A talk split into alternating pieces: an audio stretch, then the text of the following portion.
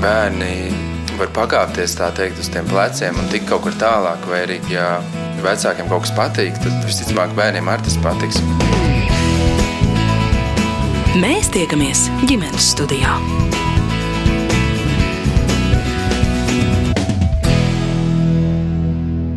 Labdien, un esiet sveicināti ģimenes studijā. Šodien es Agnese Linka aicinu jūs kopīgi doties uz saldu, kur ciemosimies rakstnieces Ievas Samauskas ģimenē. Ieva ir viena no ražīgākajām latviešu autorēm tieši bērniem. Kopā ar vīru Maratu un meitu Kristu Betiju viņi jau pirms 11 gadiem pārcēlušies prom no Rīgas un mīt Ievas dzimtajā saldū. Tiesa Betija gan vecāku mājas ir gandrīz pametusi, jo šobrīd jau studē, un arī viņa raksta. Ģimene ir aktīvi praktizējoši kristieši, ar lapatiku rosās dārzā un teica, ka mazpilsētas dzīve viņus visnotaļ apmierina. Bet par visu pēc kārtas vispirms, protams, iepazīsimies.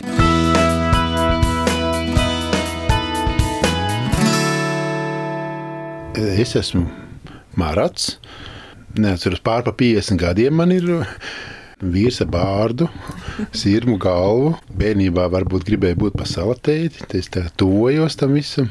Ilgus gadus strādāju reklāmā, bet pēc izglītības esmu optiķis. Optikas spektroskopija. Man diploms bija par hologrammām. Bet tā kā tajā laikā, kad es beidzu augstskolu, arī Latvija ieguva neatkarību un viss šī tā iepriekšējā sistēma beidz pastāvēt, īsti nebija darba. Aizgāju vairāk kā desmit gadu strādāju reklāmās. Strādājot reklāmām, iepazinos ar Niku, arī Matvēju un citiem komponistiem. Mums ar Niku izvērtās neliela sadarbība arī dziesmu jomā, un, un vairāk albumu sanāca, kurus es tekstus sarakstījis. Un, un arī pat divas izrādes, ne trīs izrādes bērniem mums sanāca tādas kur mēs rakstījām libretus un, un tekstus, un tam niks mūziku. Un, Un tagad jau kopš Nothing Special krīzes, kas tur notika, mēs pārcēlāmies uz saldu, strādājot tālināti, arī kaut kādas reklāmas darbiņas daru, tādus scenārijus varbūt rakstu ar vidus filmu studiju kopā. Man uzticēja dievnam atslēgu, es esmu baznīcas saimnieks arī. Saldus svētajā aņa draudzē, un, un vēl ir Dievs iedeva tā darbiņu kā kristīgā radio mājaslapas administrators. Es esmu. Nu, tad laikam īsumā viss pa sevi.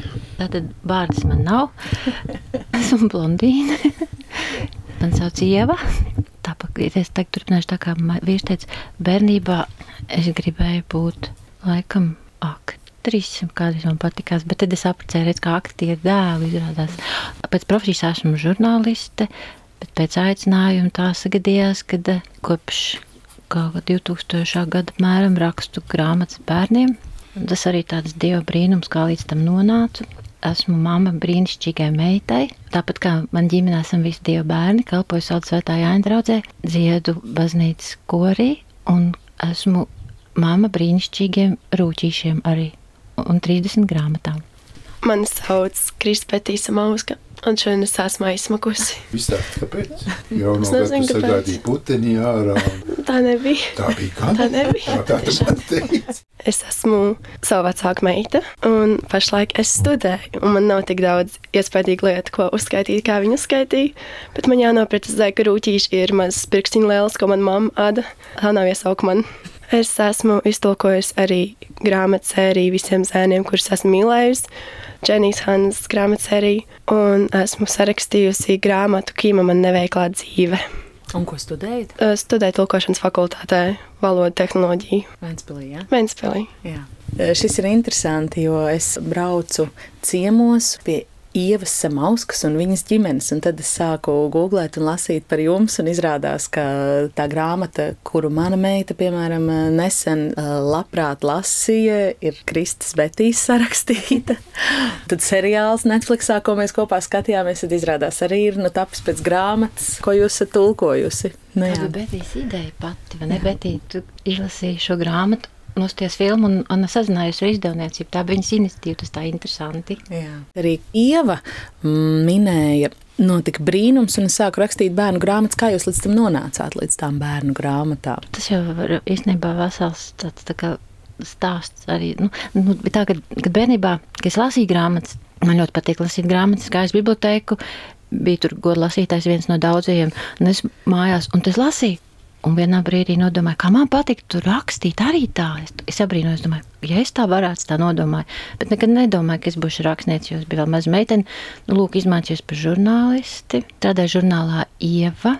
Bet man jau bija kaut kāda vēlēšanās rakstīt, es kaut ko rakstīju bērniem, bet es to visu laiku atvilknēju, jo es tā īsti vēl neticēju saviem spēkiem. Un tad tieši domājot par to, vai es tiešām varu rakstīt, sagadījās tā, ka es aizgāju pie astrologa un jautāju šo jautājumu viņam, jo tas tomēr prasīja uzdrīkstēšanos, šo izšķirošo soli. Man liekas, ka man tad man tiešām darīt, tad darīt pa īstam. Un es domāju, tam ir jāiet prom no žurnāla, jo abu savienot es sapratu, ka to īstenībā nevar, ja to dara pa īstam. Un es to vēlējos pajautāt astrologam es tagad es, es, es jau saprotu, ka tā nav pareizā izvēle iet jautāt astrologam, jo ir jājautā savam radītājam, nevis kādam cilvēkam. Bet tobrīd es to darīju, un bez vis tā, šo jautājumu viņš varbūt pat īsti neatbildēja, bet viņš man pieminēja, ka tad, kad es gaidīšu savu bērnu, tad man būs spontānais aborts. Un tad, kad es patiešām gaidīju un gaidīju Betiju, tad šīs paraģojums man virs galvas vienmēr kā demekla zobens, un es sāku pierakstīt visus izjūtas, ko es domāju, kā es jūtos un ko mēs ar Mārā darām. Nu, būtībā rakstīt tādu tā dienas grāmatu. Un notika arī kādā reizē, kad man bija ļoti liels izbāzes, ka tiešām likās, ka notiks kaut kas ļoti ļauns. Tad es atvēru Bībeli, un tur bija rakstīts, es pats cīnīšos taviem pretiniekiem, es pats izglābšu tavus bērnus. Tas bija no iesaistīts 49. ja nemaldos nodaļas. Tas man bija ļoti liels stiprinājums arī manā tobrīd nestiprajā ticības dzīvē. Un tas arī bija tāds iedrošinājums un šo liecību kaut kā dalīties ar citiem ar sievietēm, kas varbūt bijuši līdzīgā situācijā. Tā iznāca man pirmā grāmata starp diviem sirdspakstiem. Un tad, kad jau Beptī bija piedzimusi, man sāk nākt ļoti daudz ceļoļu. Viņi vienkārši bija turpat līdzās. Mēs dzīvojam netālu no botāniskā dārza Mansa lielā. Es gāju ar Betiju ratiņos uz šo dārzu, sēdēju pie dīķīša un rakstīju dzējos, un es tam aiznesu Inesai Zandrei, un viņa apkopā un iznāca man pirmā dzējoļa grāmata, kā uzburt sniegu. Un tad jau vienkārši tās idejas sāk nākt. Viņas vienkārši nāca, un tie idejas izvēlējās mani, lai es viņas pierakstu, un tā sāk nākt vēl grāmatas, un pagāja vēl pāris gadi, un es arī pati sapratu un aizgāju no šī žurnāla. Jau tieši desmit gadi, man dzimšanas diena. Ar Betiju mēs sēdējām kāsunī un skatījāmies filmu par kādu bērnu rakstnieci angļu. Un es biju brīva un gatava izaicinājumu, ko Dievs man bija iedevis un kam es biju uzticējusies. Piedodiet, ka es neesmu varbūt uzdevuma augstumos un neesmu saskaitījusi, bet cik pēc skaita grāmatu jums ir iznācis? Šobrīd būs 30, tieši apērs cipars. Mm. Pārējiem jaunā, jaunā starta pozīcijā plauktā ir 30 iznākuši, par ko esmu pateicīga. Uzrakstīts ir nu, daudz vairāk. Nu, varētu teikt, vismaz vēl desmit ir kaut kādās stadijās, un arī kāds ir izdevniecībās. Kristofā var teikt, ka jūs esat izaugusi ar mammas grāmatām. Vai jūs tādam formulējumam piekrist, un kā tas ir bijis? Savā ziņā, jā. Arī ar tādām grāmatām, kas vēl nebija tapušas, tāpēc, ka tad, kad es gāju gulēt, es nevarēju aizmigt, un es lūdzu, lai viņa pati man sadomātu stāsts.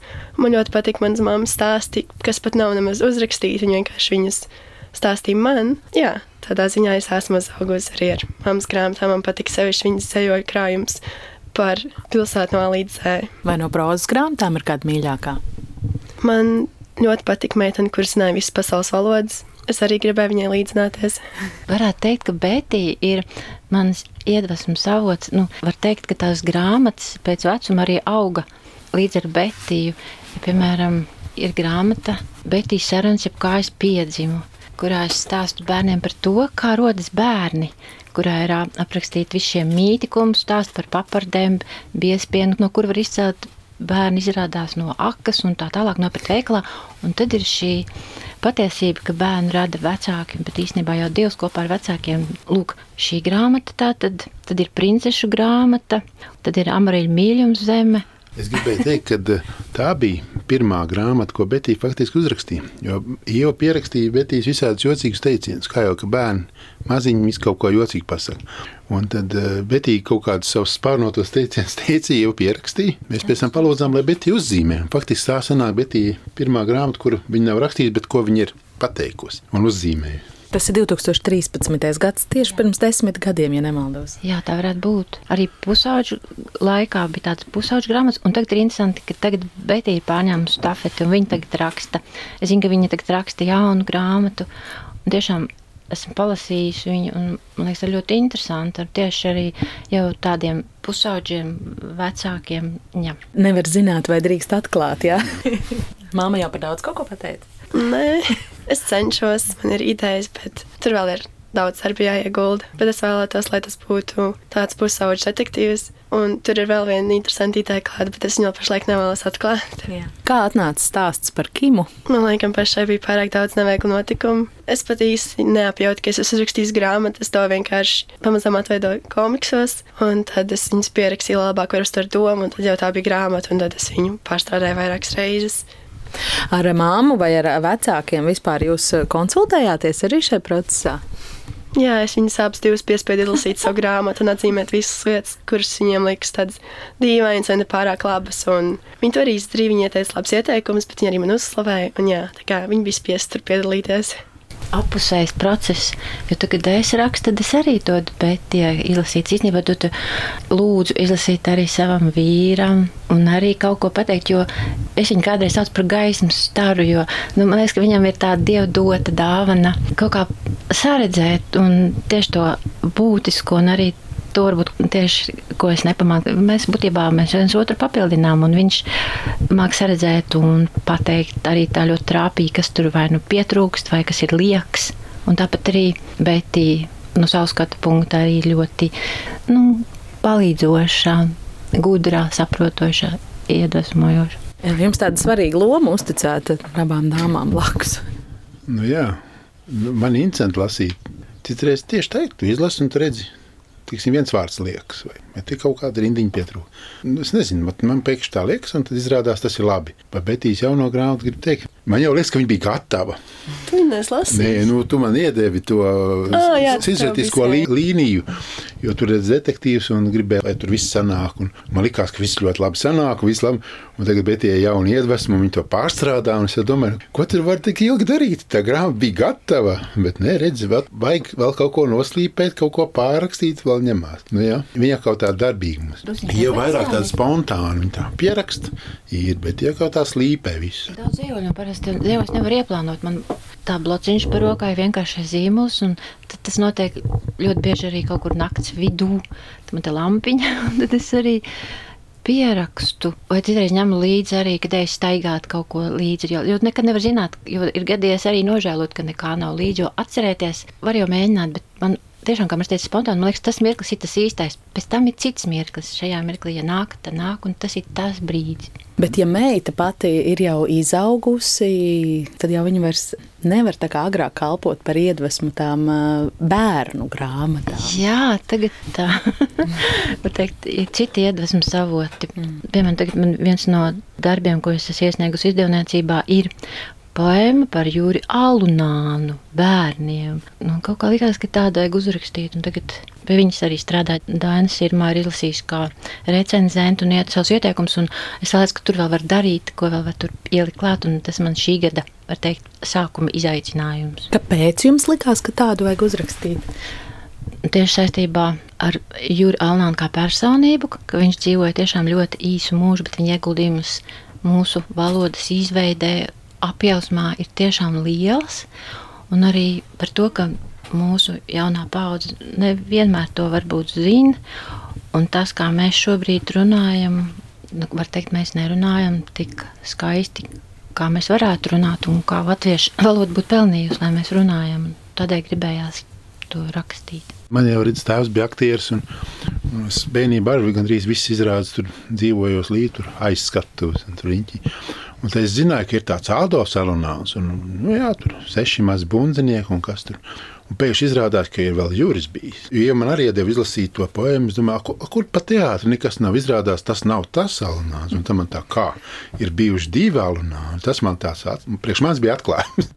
Starp citu, runājot par to, cik bērni šobrīd daudz vai maz eh, lasa.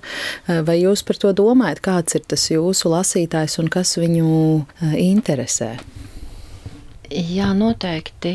Nu, par to nevar nedomāt. Satiekoties ar bērniem, redzot, kādi viņi ir, cik viņi ir dažādi, cik dažādi arī viņa attieksme pret grāmatām mm, un arī pret lasīšanu. Tad arī es norēģēju arī kā rakstniece, kā autora. Man ir arī dzējos gan par mobilo telefonu lietošanu, gan par grāmatiņu, kura dzīvoja un kad nelasīja, ja sāka sirsniņa sāpēt, un viņa nomira. Un, kad es lasu bērniem, tad mēs arī pārnēm šos dzējos, gan par to grāmatiņu, un es jautāju, vai tā var būt, un vai jūs lasiet viņus tās grāmatas bibliotēkā.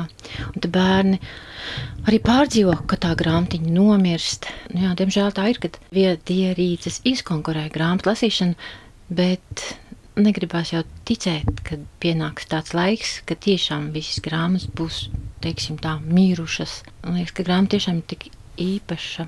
Un lasīšana arī tik īpaši dievdot dāvana, ka mums jādara viss, lai arī viņu saglabātu un arī šo interesi saglabātu bērnus. Man jau liekas, ka, ja cilvēks atklāj to grāmatu bērns, tad viņš, viņš, las, viņš sāk lasīt. Kamēr viņš nav atklājis, tikmēr ir problēma.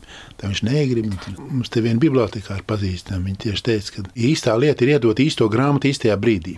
Jo tad tas bērns nāk vēl un vēl. Viņš trāpās uz neīstu grāmatu, viss viņš vairs nekad nenāk, tad viņš sēž savā viedierīcē. Man te bija tāds žurnāls Country Living, ko mēs bijām pasūtījuši no Anglijas. Šogad uz pusi lētāk bija pasūtīta e-versija.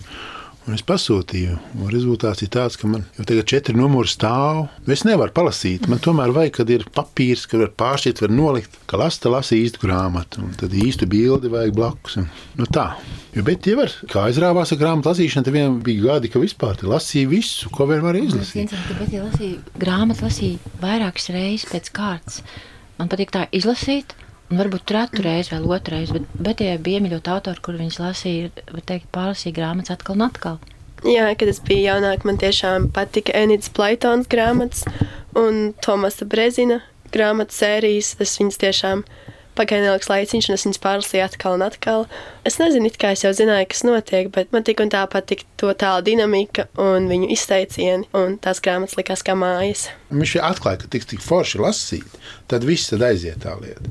Un galvenais panākt, lai viņš ar kaut ko interesantu uztver. Grāmatu maģija sākās. Nu jā. Grāmatu burvība. Man arī šķiet, ka nav viena tāda konkrēta iemesla, kā tam ir savs. Pieļauju domu, ka daži vienkārši to laiku izvēlas socializēties savās ierīcēs, nevis veltīt lasīšanai. Viņiem varbūt tas nešķiet tik vērtīgi vai interesanti. Un es esmu dzirdējusi iemeslus, ka viņiem labāk patīk skatīties filmas, nevis skatīties uz burtiem, jo viņi nevar redzēt tos tēlus, kas, manuprāt, ir iztēles jautājums. Es domāju, ka tas katram ir individuāli un kā viņš to lasīšanu uztver vispārībā. Kad jūs rakstījāt stāstu par Kimu, jūs domājāt par eh, lasītājiem potenciālajiem? Jā, nedaudz, bet es biju ļoti jauna, tāpēc es to vēl neuztveru tā. Es vairāk domāju tikai par stāstu kā tādu, un tikai uz beigām sāku aizdomāties par to, kā cilvēki to uztver. Varbūt savā ziņā jā, jo tas bija iemesls, kāpēc es to komiksu pārvērtu vairāk kā grāmatu, jo es sapratu, ka to nevar uztvert lasītājs, kurš to nav piedzīvojis. Tās nelielās bildītes bija saprotamas man pašai, bet kādam citam tas nebūs. Un tad sanāk, ka laikam jau jā, es domāju, kā lasītājs, vai viņš var saprast man galveno domu, vai viņam viss ir skaidrs, un vai tur nav tādi mistiski tēli vai notikumi, kas nav iepriekš savienoti. Tas varbūt bija arī viens no iemesliem, jo tagad jauniešiem ir populāri tādi komiksi. Uzreiz parādās kaut kur Facebookā. Es skatos, neko nesaprotu. Es saku, kur jāsmējās. Tas ir pie Betijas, bet viņa man izskaidro. Un tad es saku, nemāku komiks. Un tad viņi zinot, ka ir šādi cilvēki ar kā es, kas nesaprotīs tikai bildi, nolēma pierakstīt to aprakstu klāt. Un, un, un īstie komiks mīļotāji atkal teiks, tas ir ne, nevajadzīgi. Tur jau vajadzēja tikai zīmējums un viss. Tur tāpat viss skaidrs. Mm. Bet es kaut kā es esmu vecmo, es, es karikatūru saprotu, bet, nu, citreiz komiksā četras bildītas, vienā kaut kas citādāks. Un ja tu nezini to kontekstu, tad vispār nevar saprast, par ko ir runa. Tā kā Betī pasaka, kā tas ir pat to, tie ir kaut kādi, piemēram, politiķi, un tur ir tas, ā, nu, tādi, jā, tāds skaidrs, kur jāsmējās. Pētnieki saka, ka mūsdienu jaunieti cilvēki, bērni, pusauģi aizvien vairāk tver dzīvi vispār attēlos. Nevis tekstu, bet viņi skatās būtībā iesaiņojumu. Sanāk tā, ka tas ir dāvanas iesaiņots, bet viņi netiek izsaiņot. Es domāju, tieši tā kā Vitija saka, iztēle. Tad tev, nu, es atceros, ka iespējams, ka zvaigznē bija tā reklāmas kampaņa, kur Fredis teica, ka lasiet grāmatas, jo Tā jūs varat iztēloties, nu, tieši to iztēli trenēt, to reklāmas atceros. Ka tieši tas ir vajadzīgs, ka tā, kad tu lasi, tev jāiztēlojas. Un es domāju, ja tu esi pieredzējis, ka tev visu laiku viss jau parāda priekšā, tad nekas nav jāiztēlojas. Uh mhm. -huh. Un tas sanāk tā, tā noplicināšanās. Tev vairs nav savas iztēles, tu tik izmanto jau gatavus štampus. Cilvēkiem tas, tas ir vienkāršāk. Kāpēc man tur tagad jāsasprindzinās, kāds ir tas kuģis? Es atceros, kādreiz, kad lasīju to žilu vērnu, tur viss aprasts, kā brambura, brambura. Tad mēs pēc tam pētījām, kuģi kaut kāds zīmējums, kas tās pa būrām, kur tur ir. Nu, nu tad saprotām, tas tik ties kuģis. Nu, uzreiz bija kaut kāda izpēta. Tagad jau uzreiz jau parāda Karību jūras pirātos. Jau mm. gatavs kuģis, tu jau visu redzi. Un tu pat nezini, kā tās burbuļs tur sauc. Jo interesanti jau arī, ka Bībelē, ja ņem, tad iesākumā bija vārds. Dievs radīja vispār visu ar vārdu, nevis ar bildi. Tad no tā vārda radās bilde. Un es domāju, ka tas ir interesanti. Tas pamats ir tas vārds. Tas vārds tomēr ir stiprāks par to bildi. Šim varbūt piekrīt kaismīgi daudzas eh, sākuma skolas vai latviešu literatūras skolotājas, jo arī ģimenes studijā bieži esam eh, debatējuši. Skolotājs neļauj bērniem kuriem gribētos lasīt komiks tipa grāmatas, šīs grāmatas lasīt, jo tas ir kā komiks. Un tad vecāki saka, bet labi, ka viņš vispār kaut ko lasa. Un skolotājs saka, bet tā nav nekāda grāmata. To mēs ārpus skolas lasīšanā vai obligātajā lasīšanā neņemsim pretī. Man liekas, tas tomēr nāk vairāk, drusku vairāk kā ķeksīšu pēc it kā grāmata, bet tomēr vai tā ir grāmata? Vai tā ir grāmata, kurā var tiešām arī gūt pārdzīvojumu, iedziļināties, atklāt šo dimensiju, iztās dimensiju. Bet jums, kā vecākiem, droši vien pašiem esot eh, radošiem un rakstošiem, eh, nav bijis savulaik jānodarbojas ar to, kā pievērst bērnu grāmatai, kā iedot viņai pirmo īsto grāmatu. Tas viss ir ļoti dabiski, laikam, noticis. Tas ir tiešām dabiski. Tur nav bijis kādas īpašas receptes un mēģinājumi vajadzīgi. Bet viņa vienkārši atrada sev pirmo grāmatu tā, kā vajadzēja. Nu, kas viņai iepatikās, un tā lasīšana aizgāja. Vienkārši aizgāja pati, jo te viņa gāja uz biblioteku, tiešām nesa tādas maisiņas visu sēriju mājās. Viņai pat nedēļa, jo tur ir zināms skaists. Viņas mammas vārdu vēl ņēma pusi. Bet, bet labā ziņa, ka tētim bija citreiz jānes apakaļ nu, tās grāmatas, kas izlasītas. Un es redzēju, ka ir vēl citi bērni, ar kas lasa. Kas nu, nav tā, ka biblioteka ir tukša, ka tur tiešām nu, tā cerība vēl ir ka bērni tomēr lasa kaut ko. Jūs ar saviem vienaudžiem pārunājat izlasītās grāmatas. Jums ir doma biedri šajā ziņā? Man, diemžēl, pēdējā laikā sanāk aizvien mazāk lasīt. Man ir diezgan daudz pienākumu un Nē, studijas. Un... Bet, bet lasīt mācību grāmatas tagad sanāk. uh, jā, man sanāk mazāk lasīt tādas grāmatas, kā es kādreiz lasīju. Īsti nesanāk viņas pārnāt, bet man ir viena kursa biedrene, kur ļoti daudz lasa. Un tad man ar viņu ļoti forši parunāt un uzzināt, ko viņa jau ir izlasījusi un kā viņa vērtē šīs grāmatas. Un tad man patīk arī pārnāt tās grāmatas, kuras es esmu izlasījis, kad man ir bijis laika. Jo tad mums atšķirās domas par kaut kādām konkrētām lietām un tēliem noteikti, un ir interesanti uzzināt viņas viedokli. Jūs lasāt vairāk latviešu vai ārzemju autors? Laikam vairāk ārzemju autors, bet tad, kad es esmu bibliotekā, es paņemu arī kādus latviešu autors. Un uh, savu nākotni jūs vairāk redzat rakstniecībā vai tulkošanā? Laikam jau, ka tulkošanā, rakstniecībā tikai tik, cik man būs iedvesmas. Man pašlaik ir daži konkrēti projekti, kas man ir prātā. Man galvenais ir, ka es viņus izpildu, un tad es arī laikam vairāk vēlos pievērsties tulkošanas jomai. Tas tā interesanti. Un mamma par to domā? Ir ļoti priecīga. Kad Bēta izmanto šo savu dāvanu, man gribās teikt, viņai nu, skolas laikā arī patika un padevās angļu valodu, un ka viņa tajā, var teikt, ir gājusi dziļumā, un arī, ka viņa ir atradusi šo savu aicinājumu šajā jomā.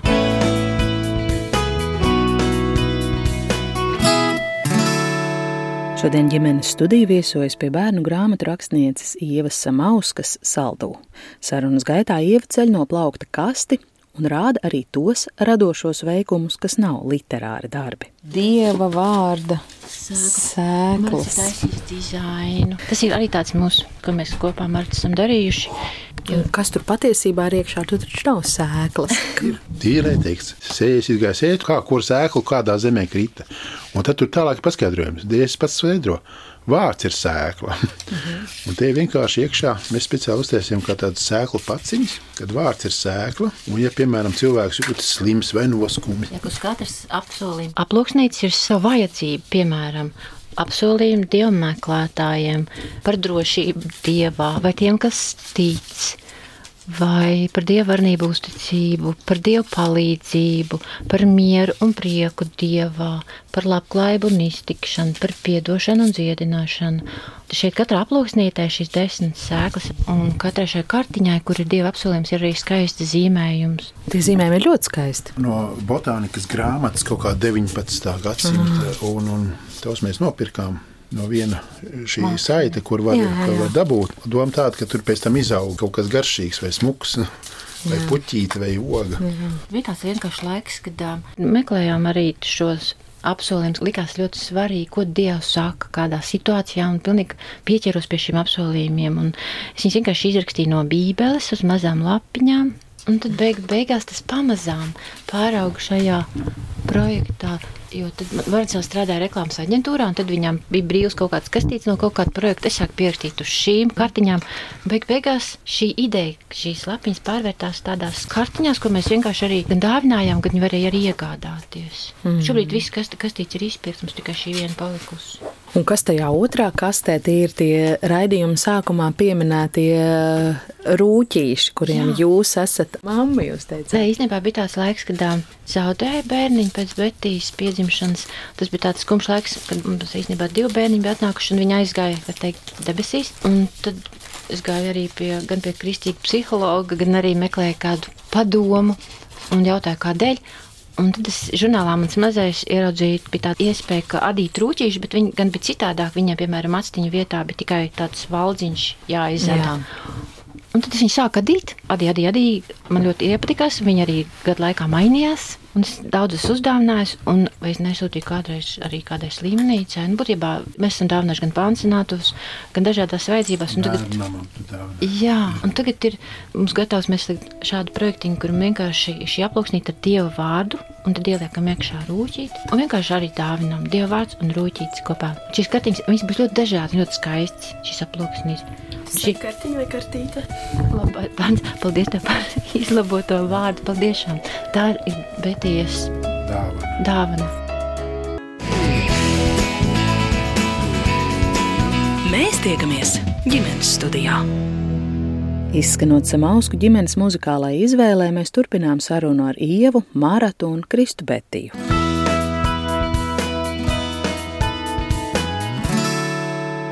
Man gribas pavaicāt, kāda ir jūsu saistība ar saldu? Mēs tiekamies saldu. Sarunas sākumā Marats pieminēja, ka jūs pārcēlāties uz šejienu pirms desmit vai vairāk gadiem. Es esmu dzimusi saldiniece, arī dzimusi un dzīvojusi šajā mājā. Šīs ir man vecāka mājas. Marats nav saldinieks, Marats ir vidzemnieks, viņš nāk no Valmieras. Bet ir rīzniece, bet ir piedzimusi Rīgā. Un cik tad viņai bija gadi, kad jūs pārvācāties? Pabeidz pirmo klasi. Tad joprojām var teikt, ka Betija ir rīzniece vai tagad Betija ir kurzemniece? Laikam jau tagad esmu kurzemniece. Un kā tas lēmums tieši pārbraukt uz šejieni un kā jūs esat iedzīvojušies gadu gaitā? Rīga mums patika. Ja tu dzīvoji savā mājās ar savu dārzu, saviem kokiem, saviem putniem, arī savām kazām, savām reizēm maitiņām, tad varbūt Rīga man tiešām arī patika un joprojām patīk, bet pienāk tāds brīdis, kad tu vēlies atgriezties atpakaļ savā skaistajā vidē, savā mājā, kas varbūt arī ir veca, bet ar cerību, ka kaut kas mainīsies, mēs kaut ko varēsim mainīt.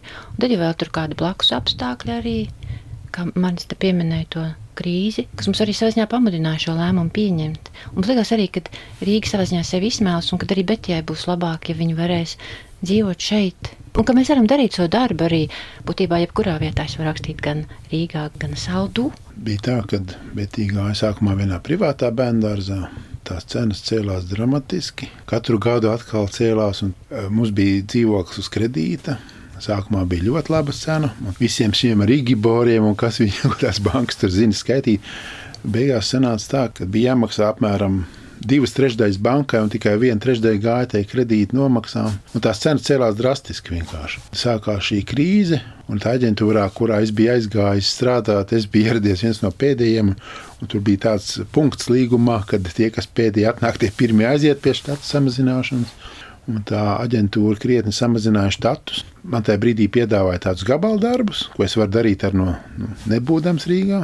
Šeit bija tāds, tagad viņš ir bīskapa vietnieks, Ulrichs Galīts, Jālgavas draudzē, Annas draudzē, bet uh, toreiz viņš bija saldū, un viņa ar sieviņu Initu bija uztaisījuši tā kā privātu bērnu. Viņiem bija plāns kā, varbūt pamēģināt skolu. Un tas bija tā cerīgi un likās, nu, nu te bet arī būtu kur mācīties. Un, un viss, viss tā sakrita, nu, kad mēs to Rīgas dzīvokli varējām labi arī pārdot un izbraukt, tā teikt, sausām kājām vēl bija naudiņa palika pāri. Pārcēlāmies uz ielas vecāku mājām, un, un tie bija līdz 4. klasē, ja? privātā skoliņa. Nu, kamēr bija spēks viņiem arī to darīt, bet nu, katrā ziņā tas tieši tajā brīdī palīdzēja to lēmumu pieņemt, pārcelties uz, uz saldu. Tad mēs tam šo to iegūtu kanalizāciju, ievilkām ūdeni. Lēnām to māju mēģinām, pamats sabetonējām. Pamats ir tagad sienā jābūvē, logi, nu, viss lēnām notiek. Te bija papis grīda, te vispār vārdas nāca iekšā, te caurums bija, tagad te viss iebetonēts. Savām. Uzticoties Dievam, mēs to visu darām ne savā spēkā, bet tiešām arī lūdzot. Tā droši vien ir nu, īpaši laba sajūta savā vecāku mājās būt un atgriezties. Laba sajūta, jā. Es dzīvoju Valmjerā dzīvoklī. Man bija balkons, man likās, tas ir labi. Ir. Balkons tur bija puķa kastīte. Bet te ir dārsts, un es tagad vairs pat ja piedāvāju dzīvokli, kas nemaz tā baigi neraut. Es labāk pieciešu šo, varbūt te ziemā bišķi vēsu, krāsnes jākurina vai kā, un tolet ārā, bet labāk ir, man liekas, ka tā, jo te tā brīvība ir. Te mums ir suns ārā arī, tagad kaķi kaut kur staigā, un viss tas ir vēl. Un ievai vēl hobijs ir bez rūtīšiem, un viss ir izrādījās ir koki. Puķis, un tas ir viens no tiem, kas roku, un tā viņi liek iekšā. tā ir tāda arī pēdējā, var teikt, pēdējo gadu aizrautība ir dārs. Jo dārs jau mums ir bijis visu laiku, bet tā kā mēs dzīvojam Rīgā, tad mēs jau nevarējām vēl tik, tik lielu uzmanību. Var teikt, mēs tā atbraucam, kaut ko vecākiem palīdzējām, bet tā pa īstam dārzu es iemīlēju pēc tam, ka mums nācās daļu zaudēt, jo mēs atdevām kaimiņiem nelielu starpgabaliņu. Būsim godīgi, mēs neatdevām. Tas bija uh, starpgabals, kas nevienam nepiederēja. Vienkārši bija, viņš laika gaitā bija it kā pie mums. Pie mums, nu, var sakot, mums no viņa nācās šķirties, un līdz ar to es sapratu, bet vai es tik daudz laika veltu tam dārzam, un tas zaudējums man lika paskatīties uz dārza citām, pilnīgi citām acīm un ieraudzīt, cik daudz tur var ielikt, cik daudz dārza dod un kas vispār ir dārza stādi, stādīšana, puķis, koks. Man tas tiešām tik ļoti uzrunāja, ka man arī ir vairāk dzējoļi un man ir arī tāds šobrīd pieaugušo, tā kā varbūt krājums, varbūt jau veidojas, es nezinu, kur nosaukums ir dārs elpo kā jērs, kaut kā tā. Un tur arī vairāk dzējoļi pa dārzu, jo dārs iedvesmo. Mēs jau visu mūžu varam, savu mūžu varam saukt par dārzu. Ar kādām acīm mēs skatāmies? Gan uz dārzu, gan uz mūžu. Man patīk. Viss tas, kas paliks radio klausītājiem, neredzams ik pa brīdim, kā jau saķer galvu.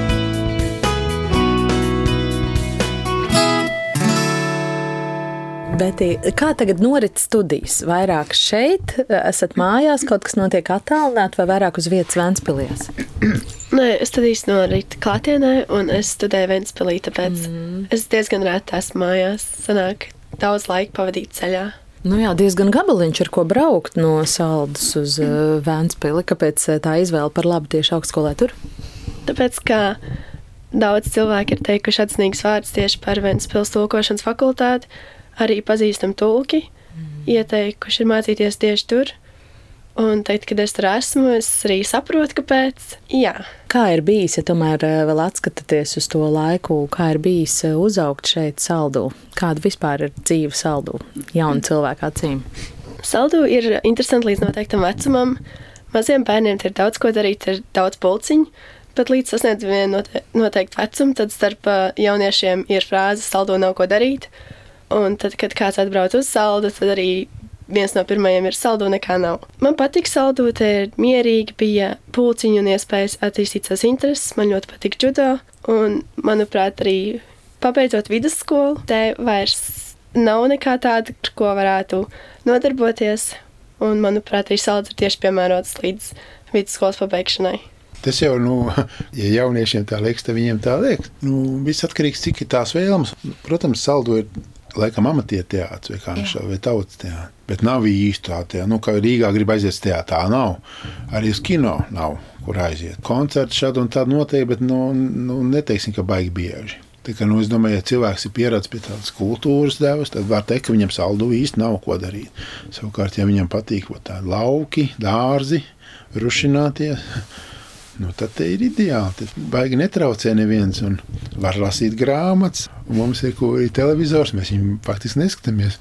Mums ir kaut kāda filmas, tad uzliek paši savus filmas. Bet nu, īstenībā vasarā tā ir, kad nav laika, te nekādas televizors, te visu laiku kaut kas ko darīt dārzā vai, vai, vai nu, pie mājas, vai arī ir baznīcā tā kalpošana, tad ir baznīcas lietas, kaut kāda slavēšana. Nu, es domāju, ja, ja, ja ir tādas kaut kādas intereses, tad, tad ir ko darīt un atrast tur, bet savukārt, nu, ja ir tā, ka gribas kaut ko patusēties, kaut ko tādu, tad var aizbraukt uz Rīgu un pēc tam braukt atpakaļ uz Saldu. Uz Liepāju arī var aizbraukt, Jā. vai ne? Jā, es tam neesmu bijis Liepājā. Es tiešām domāju, ka tas ir atkarīgs no cilvēka. Kāds viņa vajadzības, kas viņu interesē, ko viņš meklē ko viņš atrod. Tā jau mēs varētu pateikt par jebkuru pilsētu savā ziņā, ka mazpilsēta, ka tur nav ko darīt. Nu. Bet jautājums, ko tu meklē īsti? Es kā jau uzaugu Valmierā, tur tomēr teātris, tur kinoteātris bija un tā. Un uh, es atceros, atbrauca man tāda paziņa no Rīgas, un viņi ir saka, Valmierā tikai divi krogi. Tur vispār nav ko darīt. Un mēs tajā brīdī jau bijām sapazinušies. Mēs tam saldu. Ko jūs vispār tajā saldo darāt? Apmēram, ja Valmierā nav ko, ko, ko te vēl saldo, ko jūs tur vispār darāt? Tā laikā mums Mēs pastaigājāmies. Mums, mums bija labi vienam ar otru. Baigi neuztraucāmies, ka nav ko. Es nezinu, ko mēs varētu, ko mēs varētu meklēt tādu, kas mums pietrūktu. Es domāju, kas tas varētu būt. Es pat nespēju iedomāties. Man liekas, jautājums ir par to, nu, ko tu jau esi atradzis, ko tu varētu meklēt ārpus sevis. Tā, ko tev Dievs ir iedevis. Viena svarīga lieta, es nepajautāju ātrāk, kāds ir jūsu satikšanās stāsts, jūsu sapazīšanās un samausku ģimenes tapšanas stāsts, vai jūs esat mieru ar to padalīties? Kāds viss bija? Mūsu tapšanas stāsts ir iegrāmatots šajā skaistajā grāmatā. Jā, jo viss sākās ar vienu sludinājumu. Es nezinu, kas man bija uzrunāts, jo nu, nebija tā, ka galīgi nebija iespējas. Vienkārši. Es sapratu, ka Dievs man deva tādu romantisku iespēju, pazīstot mani, bija kā 20 gadi. Uzrakstīja iepazīšanās sludinājumu padomu jaunatnē. Teksts apmēram tāds - Margarita meklē meistaru. Un tur vēl tālāk tekstiņš seko. Un es viņu aizsūtīju un saņēmu 50 vēstules. Un ar astoņiem cilvēkiem es kādu laiku sarakstījos. Tur bija gan dzinieks Andris Akmentiņš, gan mans kursa biedrs, kas apprecējās vēlāk ar manu istabiņas biedru, ko es kopā studēju, un gan arī Marats. Un viņa vēstule sajūta kaut kā ļoti īpaši. Un es rakstījos ar visiem pārējiem, ar kādu satikos, bet tā marata vēstule manī novibrēja, vai kā tu teici, norezonēja īpašā veidā. Mēs vairākus mēnešus rakstījāmies. Pusgadu. Pusgadu. Tāpēc jau arī šī, šīs vēstules līdz marta septītajā satikāmies. Mm. Viens otru ieraudzījām, aci pret aci. Un īsnībā tas jau, var teikt, sākās jauns satikšanās stāsts, jo viena lieta ir sarakstīties vēstulēs, būtībā jau tas ir skaisti, bet ieraudzīt viens otru, sākt runāt. Tas ir kā iepazīt pilnīgi atkal no jauna. Jo bija tāda lieta, ka mēs gandrīz arī izšķīrāmies, jo kaut kā tā likās, varbūt tomēr, varbūt tomēr viņš nav īstais. Bet tad Marats atnāca kopienās pie manis skaistā zilā uzvalkā, baltā krāklā, masarkan rozīta, un mēs gājām staigāt, un viņš man runāja. Viņš bija atkal pilnīgi cits Marats, un tas ir sākās stāsts no jauna. Nu, mēs gājām staigāt pa mežu kā piemēram, ja un runājāmies. Jā, tur, kur ainas guļ. šajā, šajā. Jā, tajā naktī. Mums pēc pirmā kursa viss iesauca armijā. 89. gadā atnāca no armijas, bija av avīzes padomu jaunatne. Un tur vienīgais, kas man interesēja, bija pēdējā lapa, tur bija mūzika. Nu, kaut kas pa mūziku bija. Jo mēs tur pirms armijas tur spēlējām, man vēl tagad bazģitāri. Vienīgais, kur bija kaut kāda mūzika, bija padomu jaunatne, tāpēc man viņa nāca tā avīze. Šķirotu avīzi, tur bija daudz tie sludinājumi. Pamanīju, ka Margarita meklē meistaru. Es tieši biju to grāmatu biju lasījis. Es atceros, ka armijā nebija ko darīt. Mums bija jāsēž pie telefona dienām, diennaktīm, tādās dežūrās. Tur varēja izlasīt pilnīgi visu. Savotu izlasīja no vāka līdz vākam. Faktiski visas grāmatas, ko dabūju, visas varēja lasīt. Jo tur bija kaut kāda trīs zvani dienā apmēram, bet tev visu laiku jādežūrē, tev jābūt. Es biju izlasījis to Bulgāko grāmatu un pēkšņi ieraudzīju tādu. Un es nezinu, kāpēc es atbildēju. Faktiski tajā brīdī vēl neinteresējos par tiem sludinājumiem. Tieši tā sanāca, ka es pamanu un atbildu, un tieši sanāk, ka Ieva izlasa. Un Tieši viņa man uzrunāja. Vecāki man prasīja, atceros, ka, ko tu raksti. Un tad beigās jau viņi man izcīnīja, protams, ka tas ir meitenes sarakstos.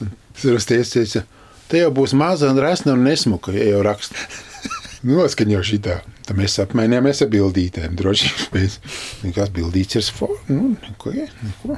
Bet Bildīts jau var aizsūtīt citādi. Bet beigās jau satikāmies. Tas atceros, kas atceros ievu. Man likās ļoti gara tieva. Nu, pilnīgs pretesauties. Atver durvis gara tieva lielām acīm. Tā, melnā tādā kleitā bija garā un, un cienāja man un ar uh, žāvētu tābolu tēju. Es nekad nebiju dzēris žāvētu tābolu tēju mūžā. Es domāju, kaut kas jauns un nebijis. Es atceros, tā bija diena pirms sieviešu dienas. Tad dzīvoja viņas kopmīts, bija netālu no biķernieka meža. Mēs paņēmām ūdenskrāsas un gājām uz mežu. Domāju, kaut ko varbūt uzzīmēsim. Bet, Sniegā. jā, bet tā arī neko neuzzīmējām. Jā. Pastaigājāmies. Tad jau ar vien mazāk rakstījām, ar vien vairāk satikāmies. Un tad bija tā, ka mēs par Rīgu, kur te nedēļas nogalēs, tad bija viena nedēļa uz Valmieru, viena nedēļa uz Salu. Tā pabeidzām studijas. Tad likās arī, nu, mēs jau tāpat kopā dzīvojam. Ko tur ķēpāties ar papīriem? Mēs jā, mēs patiešām, jā, mēs, mēs labi kopā dzīvojām. O, ilgs, kāds desmit gadus mēs nodzīvojām. Beigās izrādījās, mēs dzīvojam grēkā. Jā. Tas bija 98. gads. Tas bija tāds savā ziņā īpašs, arī drusku skumjš gads, jo tajā gadā nomira Marata mamma un arī vasarā tētis. Un tajā gadā mēs arī nokristījāmies un decembrī otrajos Ziemassvētkos salauzājāmies. Nu Jā, jo mācītājs teica, ka, nu, ja jūs esat sakārtojuši attiecības nu, ar Dievu, tad vajadzētu sakārtot jums arī savā starpā. Un tam mums tagad bija jubileja, 24 gadi oficiāli, bet sanāk, neoficiāli ir vēl vairāk. Nu, tā kā salauzājāmies, te jau arī sakārtojās daudz kas. Tad Rīgā dabūjām šo, šo dzīvokli pēc kāda laika, tad Betī piedzima. Nu, tā. Bet jau ir jaunais modelis. kad Mēs esam vēl pagājušās gadsimts, bet jau ir no šī gadsimta. Studenta dzīve Vēnspilī ir jautra.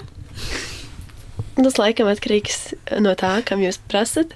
Man viņa ir diezgan mierīga, cenšoties laicīgi pabeigt uzdevumus un izreikināt, kā ātrāk aizbraukt mājās. Tā arī ir mierīgi, kājās arī viss ir kārtīgi, bet ir interesanti just, kāda ir kopdzīve ar kādu citu, un kad tur notiek kaut kāda drosība, un virtuvē kāds ir un kaut ko gatavo. Bet tā, ļoti civilizēti.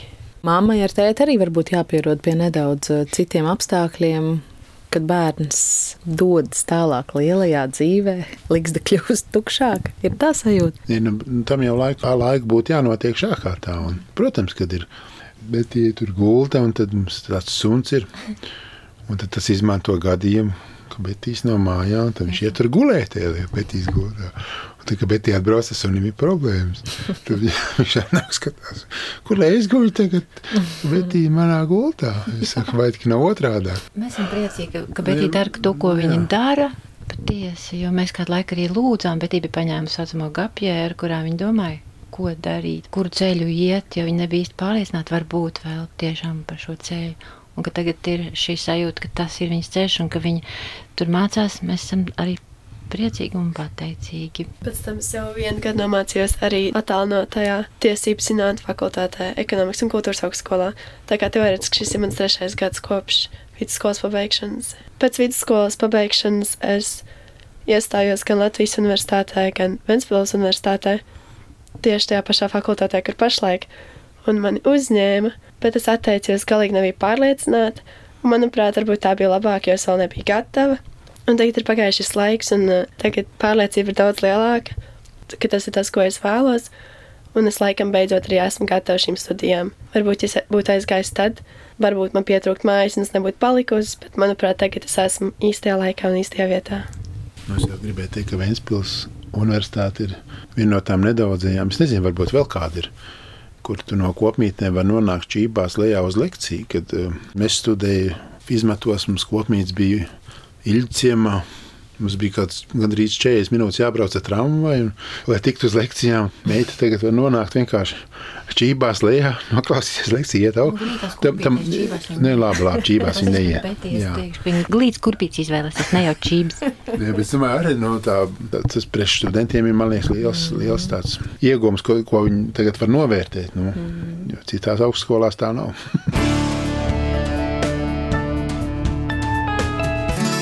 to vēl gribētu pasakīt, ka mūsu ģimene mēs katru dienu sākam lūgšanu. Mēs visi kopā lūdzam par dienas iesākumu, ieliekam dienu Dievu rokās, uzticam savus gaitas viņam. Bez tā mēs tā īsti nespējam. Mēs te meklējam viens otru. un vaktējam, jā, tad sanākam kopā. Un...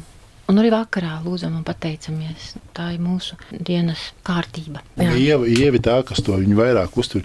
Mēs ar Betīti tādu vairāk aizraujamies kaut kādām savām lietām. Tie jau saka, nu nelūksim vai lūksim, kas te būs šodien. tad mums jālūdz. Nē, viņi jau saka, man kā ģimenes galvā mēs vēl jāaicina lūgt. Bet viņi man atgādina, tad man jā, jālūdz. Ka Ieva saka, ko mēs kopā darām. Mēs strīdamies, jo mēs jau nevaram atsevišķi strīdēties. Mēs kopā darām, bet, jā, bet, nu, jā, bet jācenšas, jācenšas mazāk strīdēties. Labi, ka jūs pateicāt, tas ir atvieglojoši dzirdēt, ka arī citi pastrīdās. nu, protams, savādāk jau nevar. Ja vairāk tāda karstas, viņai vajag piks, manā kaut tā lēnāk viss. Tad viņa piks kaut kur skrien. Un, nē, nē, Kur skrien? Nē, nē, nu, kā, un kaut kas nokrīt un saplīs, un es esmu dosmīgs. Teicu, tā ir. Kaut kur ūdeni ielēja man printerī, un es biju dosmīgs. Nu, jā, un tad man bija kaut kas jāpasaka. Viss kā pie cilvēkiem. Jā, Dievs jau saka, dusmojiet, bet negrēkojiet. Tās emocijas mums ir rodās dabisks, mēs jau nevaram. Dievs ir arī paredzējis tikai, kur mēs viņus novedām būtībā. Kā mēs viņus izpaužam, vai otrs no tā cieš? Nu, jā. Nē, nu, protams, Vai... ka līdz kaušanām mēs nenonākam. Mūsu aicināja nu, jau pirms vairākiem gadiem bija tas kad sākā bija tas bums, ka bija tāda laulāto pārkursi. Un mūs uzaicināja, sākumā, protams, noklausīties, un beigās uzaicināja, vai mēs nevaram ar kādu lekciju palīdzēt. Jo tur ir tās lekcijas daudz, un lai mācītājiem vieniem no viss jālasa, tad viņi aicina arī kādu, kas ir izgājuši. Tad mūs arī jau var uzaicināja. Mēs tur parasti lasām divas lekcijas, kad mūs aicina viena ir par dzīvošanu pie vecākiem, jo par vecāku un bērnu attiecībām, kā pareizi būtu viņus turēt un neļaut vienam otram kāpt uz galvas. Un, un otra bija par komunikāciju, kā vienam ar otru runāt. Par konfliktu risināšanu tur ir atsevišķa lekcija, to mēs neesam lasījuši, bet mēs to esam dzirdējuši. Un es atceros, ka viena no tādiem, ko, ko liek iemācīties, ir nu, Dievvvārds atsaka, lai saule nenoriet jums dusmojoties, bet tur ir pūkstens desmit. Kad ir pūkstens desmit vakarā, vairs nekādu strīdu. Kad tikai pūkstens desmit, tad jābeidz strīdēties. Tad labāk rīt. Tad turpinām šo sarunu rīt. Un tad jau ar jaunām domām, jaunu tām. Un tas sanāk ar tā lietu, ko mēs darām kopā, tad mūs aicina, tad mēs ejam arī padalīties. Jo, nu, tā jau ir, protams, teorija. Teorijā tur viss skaisti, bet nu, tur ir arī piemēri tādi, nu, kad ja cilvēks viens ar otru neizrunā, neizstrīdās, tas tā krājās, krājās, krājās, ka vienā brīdī viss. Tā mašīna salūst, un katrs iet uz savu pusi. Mm. Beigās ir sliktāk nekā varēja notikt. Nu, kā atkal vārds. Nu, jā. vai tu runā vai nē, jo mēs lietojam vārdus. Vai mēs klusa, ir klusums mūsu starpā. Mēs atgriežamies atkal pie šī vārda. Ja sākumā bija vārds, arī attiecībās, lai ir šis vārds starp cilvēkiem, lai mēs izrunājam arī to, kas ir jāizrunā. Šodien ģimenes studijā sarunājāmies ar bērnu grāmatu rakstnieci Ievu Samausku un viņas ģimeni, vīru Maratu un meitu Kristu Betiju. Ar viņiem tikos es Agnese Linka par raidījumu tapšanu gādāja arī Ilza Zvaigzne un Nora Mitspapa. Paldies, ja klausījāties! Ģimenes studija Allers dzirdam arī podkāstos mūsu mobilajā aplikācijā, bet ar Samausku ģimeni un arī Ievas darinātajiem rūķīšiem bildēs varat iepazīties Latvijas radio mājaslapā, radījuma ģimenes studijas sadaļā. Uz kostenlos.